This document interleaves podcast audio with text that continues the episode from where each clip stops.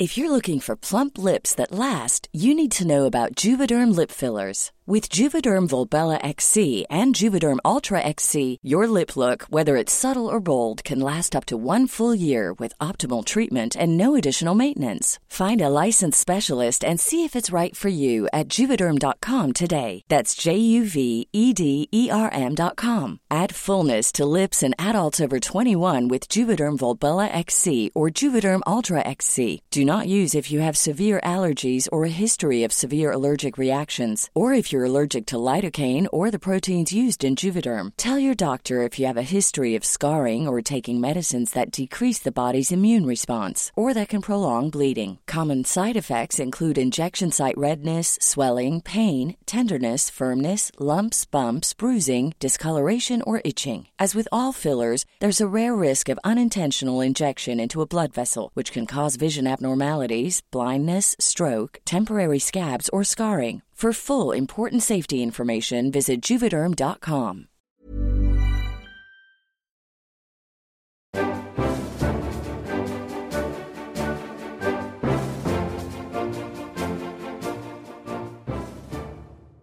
Ny istid mellom Norge og Russland? Det spørsmålet stiller vi denne Aftenposten Verden. Mitt navn er Alf Ole Ask. Aftenpostens kommentator Helene Skjeggestad skrev nylig at det må være mulig å svare en nabo skikkelig uten at det blir et knefall.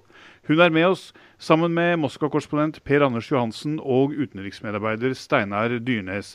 Men først, Helene. Hvorfor mener du at den norske regjeringen har vært for slemme med russerne? Eh, ja, slemme og slemme. Det var iallfall klar tale fra Erna Solberg, som sa at det som kom fra den russiske ambassaden, eh, var propaganda. Eh, og det er jo ganske sterke ord som kommer fra Norges mektigste. Eh, og så er det jo kanskje De har nok sine grunner til å gå så sterkt ut, men jeg lurer på om det er klokt. Eh, man ser siden eh, nyttår, med ny ambassadør på plass her i Oslo, at det har vært en del sånne hendelser der det virker som denne ordkrigen trappes opp. Og så kan man liksom diskutere eh, hva er prinsipielt riktig å gjøre, men det går òg an å tenke litt pragmatisk. Hvordan kommer vi ut av den spiralen? Ja, det skal vi komme tilbake til. Men hva mener du med knefall? Nei, altså jeg tenker at Det er en skala her. Det er jo mulig å si liksom sånn Nei, vi opphever sanksjonene og bryr oss ikke om det som skjedde i, i 2014, altså annekteringen av Krimhalvøya, og vi skal ha ri, fullstendig risett med Russland. Det mener jeg hadde vært et knefall. Per Anders, eh, sett fra Moskva, er man der like opptatt av forholdet til eh, Norge som vi er opptatt av forholdet til Russland? Russerne følger jo med på hva som skjer i Norge veldig grundig. Men eh, ser du på alle de andre utfordringene og spørsmålene som står høyt på agendaen i Kreml, så er jo ikke Norge en, en stor sak. Men det som er en stor sak, er jo alle spørsmålene som berører Nato. Eh, Natos utplassering av soldater i Baltikum, og ikke minst den store diskusjonen rundt Natos rakettskjold. Vi skal komme litt tilbake til det. Men, lenge, det er, ja, så, men vi, vi, vi kommer tilbake til det, Anders, men bare spør, jeg er helt ferdig med denne rein norske krangelen fra ambassaden. I Norge har jo selv ganske fremtredende personer, eh, medlemmer av regjeringen, eh, mer enn antydet at den, norsk, at den, russiske ambassadøren her i Oslo er på en slags solotur. Og eh, når eh, Børge Brende snakker med Sergej Lavrov, den russiske utenriksministeren, så kommer ikke disse tøffe anklagene opp. Taler de bare med to tunger, eller er, kan man tro at ambassadøren her er ute på en soloreise?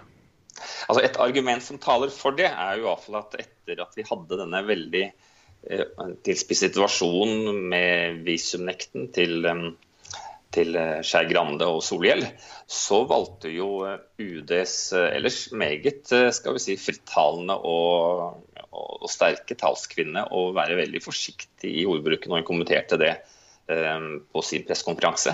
På den andre siden ser man på de tingene ambassadøren sier så er dette her midt i feltet for hva som er eh, russisk utenrikspolitikk. Det er bare kanskje språkbruken som er litt røff av og til, men går du til andre land altså Det er ikke bare to år siden hvor den russiske ambassadøren nærmest truet Danmark med atomvåpen. Eh, så jeg tror ikke vi kan skylde på at det er en, en georgier som sitter som ambassadør i Russlands ambassade i Oslo. Jeg tror bare kort kunne bryte inn spesielt det Per Anders her nevner med hva den russiske ambassadøren i Danmark har sagt. Det er mye mye tøffere enn den nye russiske ambassadøren til, til Oslo. Det er, er riktig, men eh, la oss eh, gå tilbake til det som du begynte å snakke om her, Per Anders. Nærmest en litt sånn geopolitisk eh, situasjon. Og La oss da begynne med deg igjen, eh, Helene. Er det fordi at man nå ser et svekket eller i hvert fall et Nato man ikke helt vet uh, hva blir ut av når det gjelder amerikansk støtte osv. Er det en av årsakene til at uh, russerne plutselig gyver løs på Norge på denne måten? Ja, Når man snakker om eh, amerikanerne og om Trump, så må man liksom alltid ta det forbeholdet om at alt er usikkert. Men en sånn usikkerhet og de signalene han har gitt om å trekke seg tilbake, vil naturligvis åpne et slags vakuum. Så er spørsmålet Et vakuum vil alltid fylles i, i verdenspolitikken. Eh, og det, jeg tror det er litt naivt å tro at russerne kommer til å sitte og vente og se hvem som kommer til å fylle det vakuumet. Eh, men så tror jeg de òg er litt usikre på, på hvordan den nye verdenssituasjonen kommer til å se ut. Eh, men det kan hende at de ser det som en slags anledning til å prøve å, å få et slags nytt forhold da, med Europa og med Norge. Er det slik eh, Per Anders, at de, de, de, man nå ser, er russerne som fyller et maktvakuum fordi eh, Nato med den linjen Trump legger seg på, svekker Nato?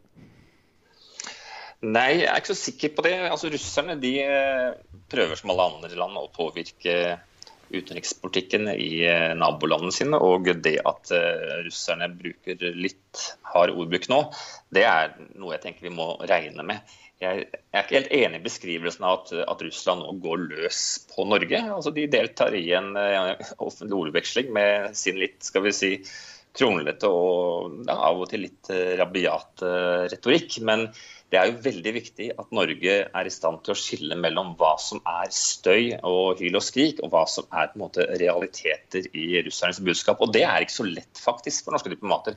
For det er jo en konstant strøm av utspill fra russisk side. Men vi berører her jo noen av de ting som har vært et problem for Russland lenge. Og da er det rakettskjoldet og frykten for at Russland skal miste sitt atomvåpenovertak, eh, som, eh, som er helt avgjørende. Men eh, er ikke også da denne nye situasjonen som har oppstått etter Trump, en medvirkende årsak til at mange av disse tingene kommer så kraftig til overflaten nå? Er ikke det naturlig å tro? Nato har jo sprek, altså Nato er jo vært beskrevet av og til som en slags diskusjonsklubb. Hvis vi husker Wikileaks-notatene fra Natos råd, så var det jo en fryd for oss journalister å lese det. For der satt man jo og kranglet uke etter uke om alt mulig. Eh, og eh, NATO, eh, Natos råd ja, det skilte veier stadig vekk. Og dette vet jo russerne veldig godt. Og, og, det vil de prøve å fiske inn. Men det er jo nede i Europa at de store slagene står. altså Hvis russerne får skal vi si, mer prorussiske politikere i presidentkontoret i Frankrike, hvis det kommer et, maktskifte i Tyskland, da snakker du virkelig om, om store ting. Men eh, Steinar, du har fulgt amerikansk valgkamp og Trump eh, rimelig tett. Eh, ser vi nå et dramatisk skifte i amerikansk eh, utenrikspolitikk, eller eh, ser vi nå tendenser etter intervjuet med Reuters helt nylig, hvor plutselig nå Trump syns at EU er en fantastisk, om ikke en fantastisk oppfinnelse, så har han i hvert fall ikke noe imot det lenger. ser man nå at han vender tilbake til en mer tradisjonell linje? Ja, det meste tyder på at vi får en mer tradisjonell linje nå fra Donald Trump. Riktignok har han skapt masse usikkerhet, spesielt i valgkampen, ved at han har eh, kommet med en rekke eh, utspill som bl.a. delvis har motsagt hverandre. Men eh, nå etter den drøye første måneden i Det hvite hus, så ser vi det at Donald Trump i hovedsak viderefører utenrikspolitikken til Barack Obama. Eller som New York Times skriver, han omfavner bærebjelka i utenrikspolitikken til Barack Obama. Hva er det? Ja, først må jeg si at Det finnes da et par unntak. Det innreiseforbudet er jo selvfølgelig et klart brudd med tidligere utenrikspolitikk. Og det samme gjelder forholdet til, um, til Mexico. Uh, der har han kommet med en helt ny uh, politikk. Men hvis du da ser på tidligere uh, del av amerikansk utenrikspolitikk, hvor Trump da har kommet med en del ting, så ser vi jo det at f.eks. da han kom til Russland, han har kommet med full støtte til de russiske uh, sanksjonene. Uh, det blir likevel virker det som ingen flytting av den israelske eller den amerikanske ambassaden til Tel Aviv. Uh, Fra Tel Aviv til Jerusalem, ja. ja, riktig. han har kommet med full støtte til Sør-Korea og Japan som han i valgkampen uh, trua med at de måtte sjøl uh, ta større ansvar for sitt eget ansvar og ha egne uh, atomvåpen. Men, men, sånn at uh, innenfor sikkerhetspolitikken så ser vi da at Trump nå beveger seg tettere og tettere opp mot det som var Obamas linje. Men tar vi f.eks. handelspolitikken, så er det jo fortsatt dramatiske skiller ja, innenfor handelspolitikken som er dramatisk uh, skilla. Uh, hvor han da jo blant annet uh, Noe av det første han gjorde, var å trekke USA ut av forhandlingene om TPP, Trans-Pacific Partnership, ikke det? den um, handelsavtalen med elleve stillehavsland, med unntak da av, da av Kina. Men tilbake til deg. og kort, kanskje ja. legge, men klart, når det gjelder Nato og så var jo både utenriksministeren og visepresidenten i eh, USA, eller i eh, Europa i forrige uke, både i Bonn og i München og, i Brussel, hvor de var forsikra gang på gang på gang at de står bak Nato. Riktignok har de masa om at Nato-landene må bidra med en større andel. Noe som for så vidt heller ikke er så veldig nytt. Er noe som òg eh, Barack Obama har vært veldig opptatt av. At Eh, partnerne i Nato må bruke en større andel av eh, forsvarsbudsjettet enn de gjør i jo, Du har helt rett i det, men det var jo oppsiktsvekkende da jeg var i München å se at USAs visepresident kunne få eh, stor applaus da han sa at USA kunne tenke seg å stå ved sine Nato-forpliktelser. Og hvis noen hadde trodd at en amerikansk visepresident skulle få applaus for å si noe sånt på en internasjonal konferanse som samlet stort sett alle toppene i bl.a. alle Nato-land, så, så ville man Eh, ja, ville man neppe blitt trodd for et eh, års tid siden. Men eh, tilbake litt til deg igjen, Per Anders. og dette, Jeg gir ikke helt slipp på dette, dette Trump-kortet, for å si det sånn. Eh, ser man nå liksom tendenser til at at russerne utnytter den usikkerheten som Trump eh, skaper. Vi så jo tendenser til det i München med Lavrovs uttalelse om at den vestlige orden nå hadde kommet til sin ende. Eh, ser man det andre steder i verden også, hvor de nå vil ta initiativer? Det, altså, det har jo Lavrov sagt mange ganger før. og det er klart, det, det irriterer jo meg som en uh, borger av Norge å høre han uh, russerne inntrykk av at uh, alt går til helvete med oss, og at, at vår, si, vår, virkelighet, vår demokratiske virkelighet er på vei ut. Men det er jo ingen tvil om at Trump så langt har vært en helt gigantisk skuffelse for russerne. Særlig når vi ser på hvilke forventninger Kreml bygget opp i forbindelse med uh, Trump. Én ting var ok, det er lov at russerne tar og drikker champagne når Trump blir valgt, men, men det at de fortsatte i uh, ukene og månedene etter Trump og skal vi si, være med på en, å innlede en flørt med Trump, det slår jo nå veldig tilbake. Fordi at Trump har på punkt etter punkt, som Steinar var inne på, gjentatt eh, sentrale eh, punkter i det som har vært Natos og USAs politikk lenge. Og det som selvfølgelig var det aller verste å høre i eh, Kreml, var at Trump gjentok at Krim er ukrainsk. Og Dermed så ser man at forhandlingsrommet blir mindre og mindre. Hva i all verden skal Trump og Putin nå kunne diskutere, eh, når man eh, på de fleste områdene ser at man er tilbake? Altså det Ingenting er egentlig så forandret, selv om vi i Vesten har vært fryktelig bekymret på hva slags fyr vi nå har fått inn i Det hvite hus.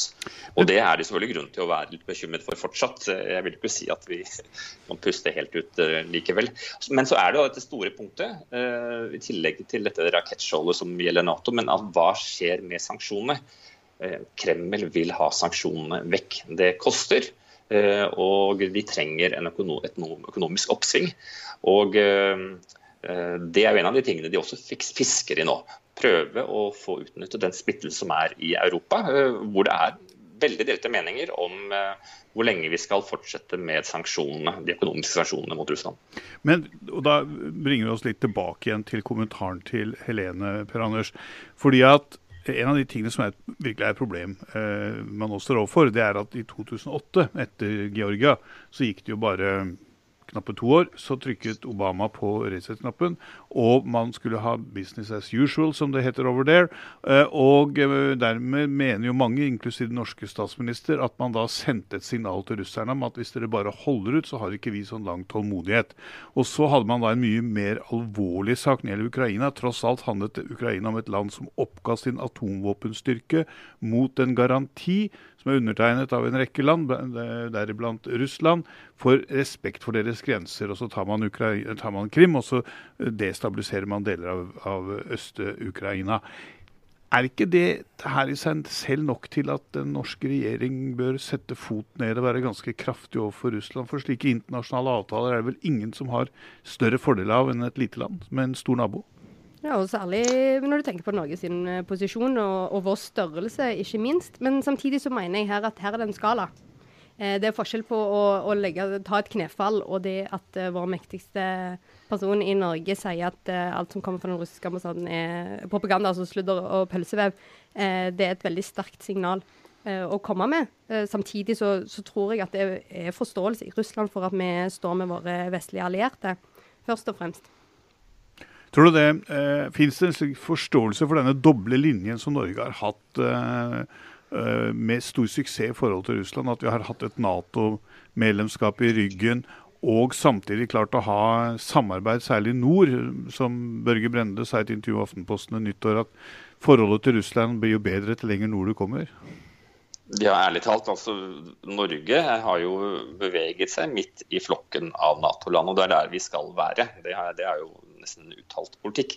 Men når du ser på uh, hva som skjer mellom uh, tyske forretningsinteresser og Moskva, italienerne og flere andre Nato-land i Øst-Europa, så er jo Norge skal vi si, veldig godt inne i flokken på amerikansk side. Så jeg, jeg tror ikke vi skal føle noe behov for at vi må vise en form for lojalitet, eller at vi må være veldig opptatt av solidaritet. Vi må jo følge det som er Norges interesser. Og Norge har stor interesse av at Nato holder sammen, og at det er en solidaritet i alliansen. På andre siden så må jo vi også øh, være klar over at det er ikke sikkert at alt som sies fra de som sitter med makten i f.eks.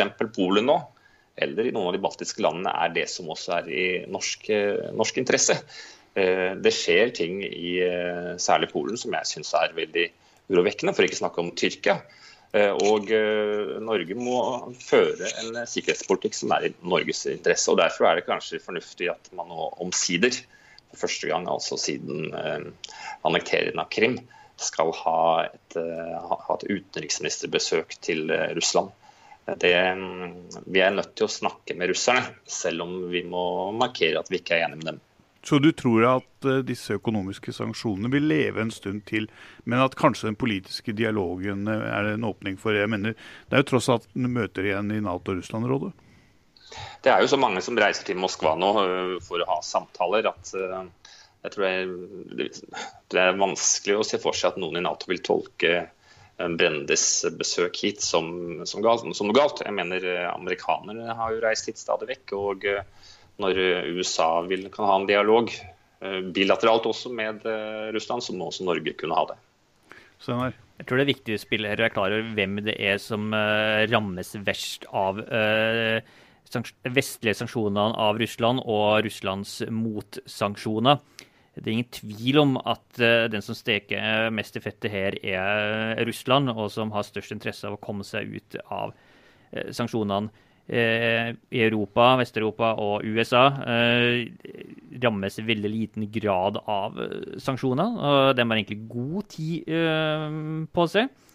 Og rent forhandlingsmessig òg da, så er det klart at Europa, Vest-Europa, Nato USA kommer til å benytte seg av den enorme forhandlingsfordelen de har her, ved at du har et Russland som virkelig har blitt ordentlig svekka av de sanksjonene, kombinert med fallende uh, oljepris. Det er ingen grunn til å gi fra seg det uh, enorme uh, da, forspranget du, du, har i de forhandlingene.